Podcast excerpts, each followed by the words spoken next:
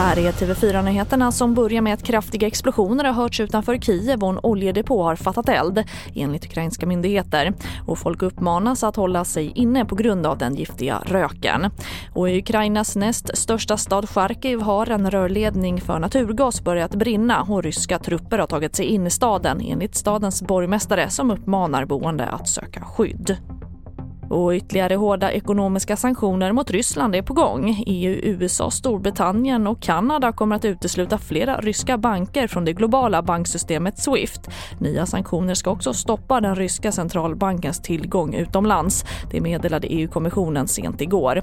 Och så här säger vår utrikeskommentator Rolf Borseryd.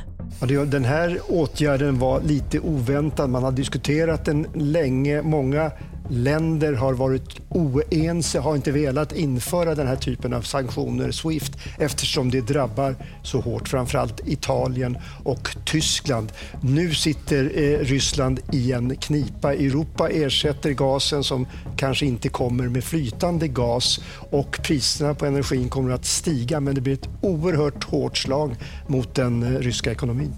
Och fler nyheter och uppdateringar kring vad som händer i Ukraina kan du alltid hitta på vår sajt tv4.se i studion nu, Charlotte Hemgren.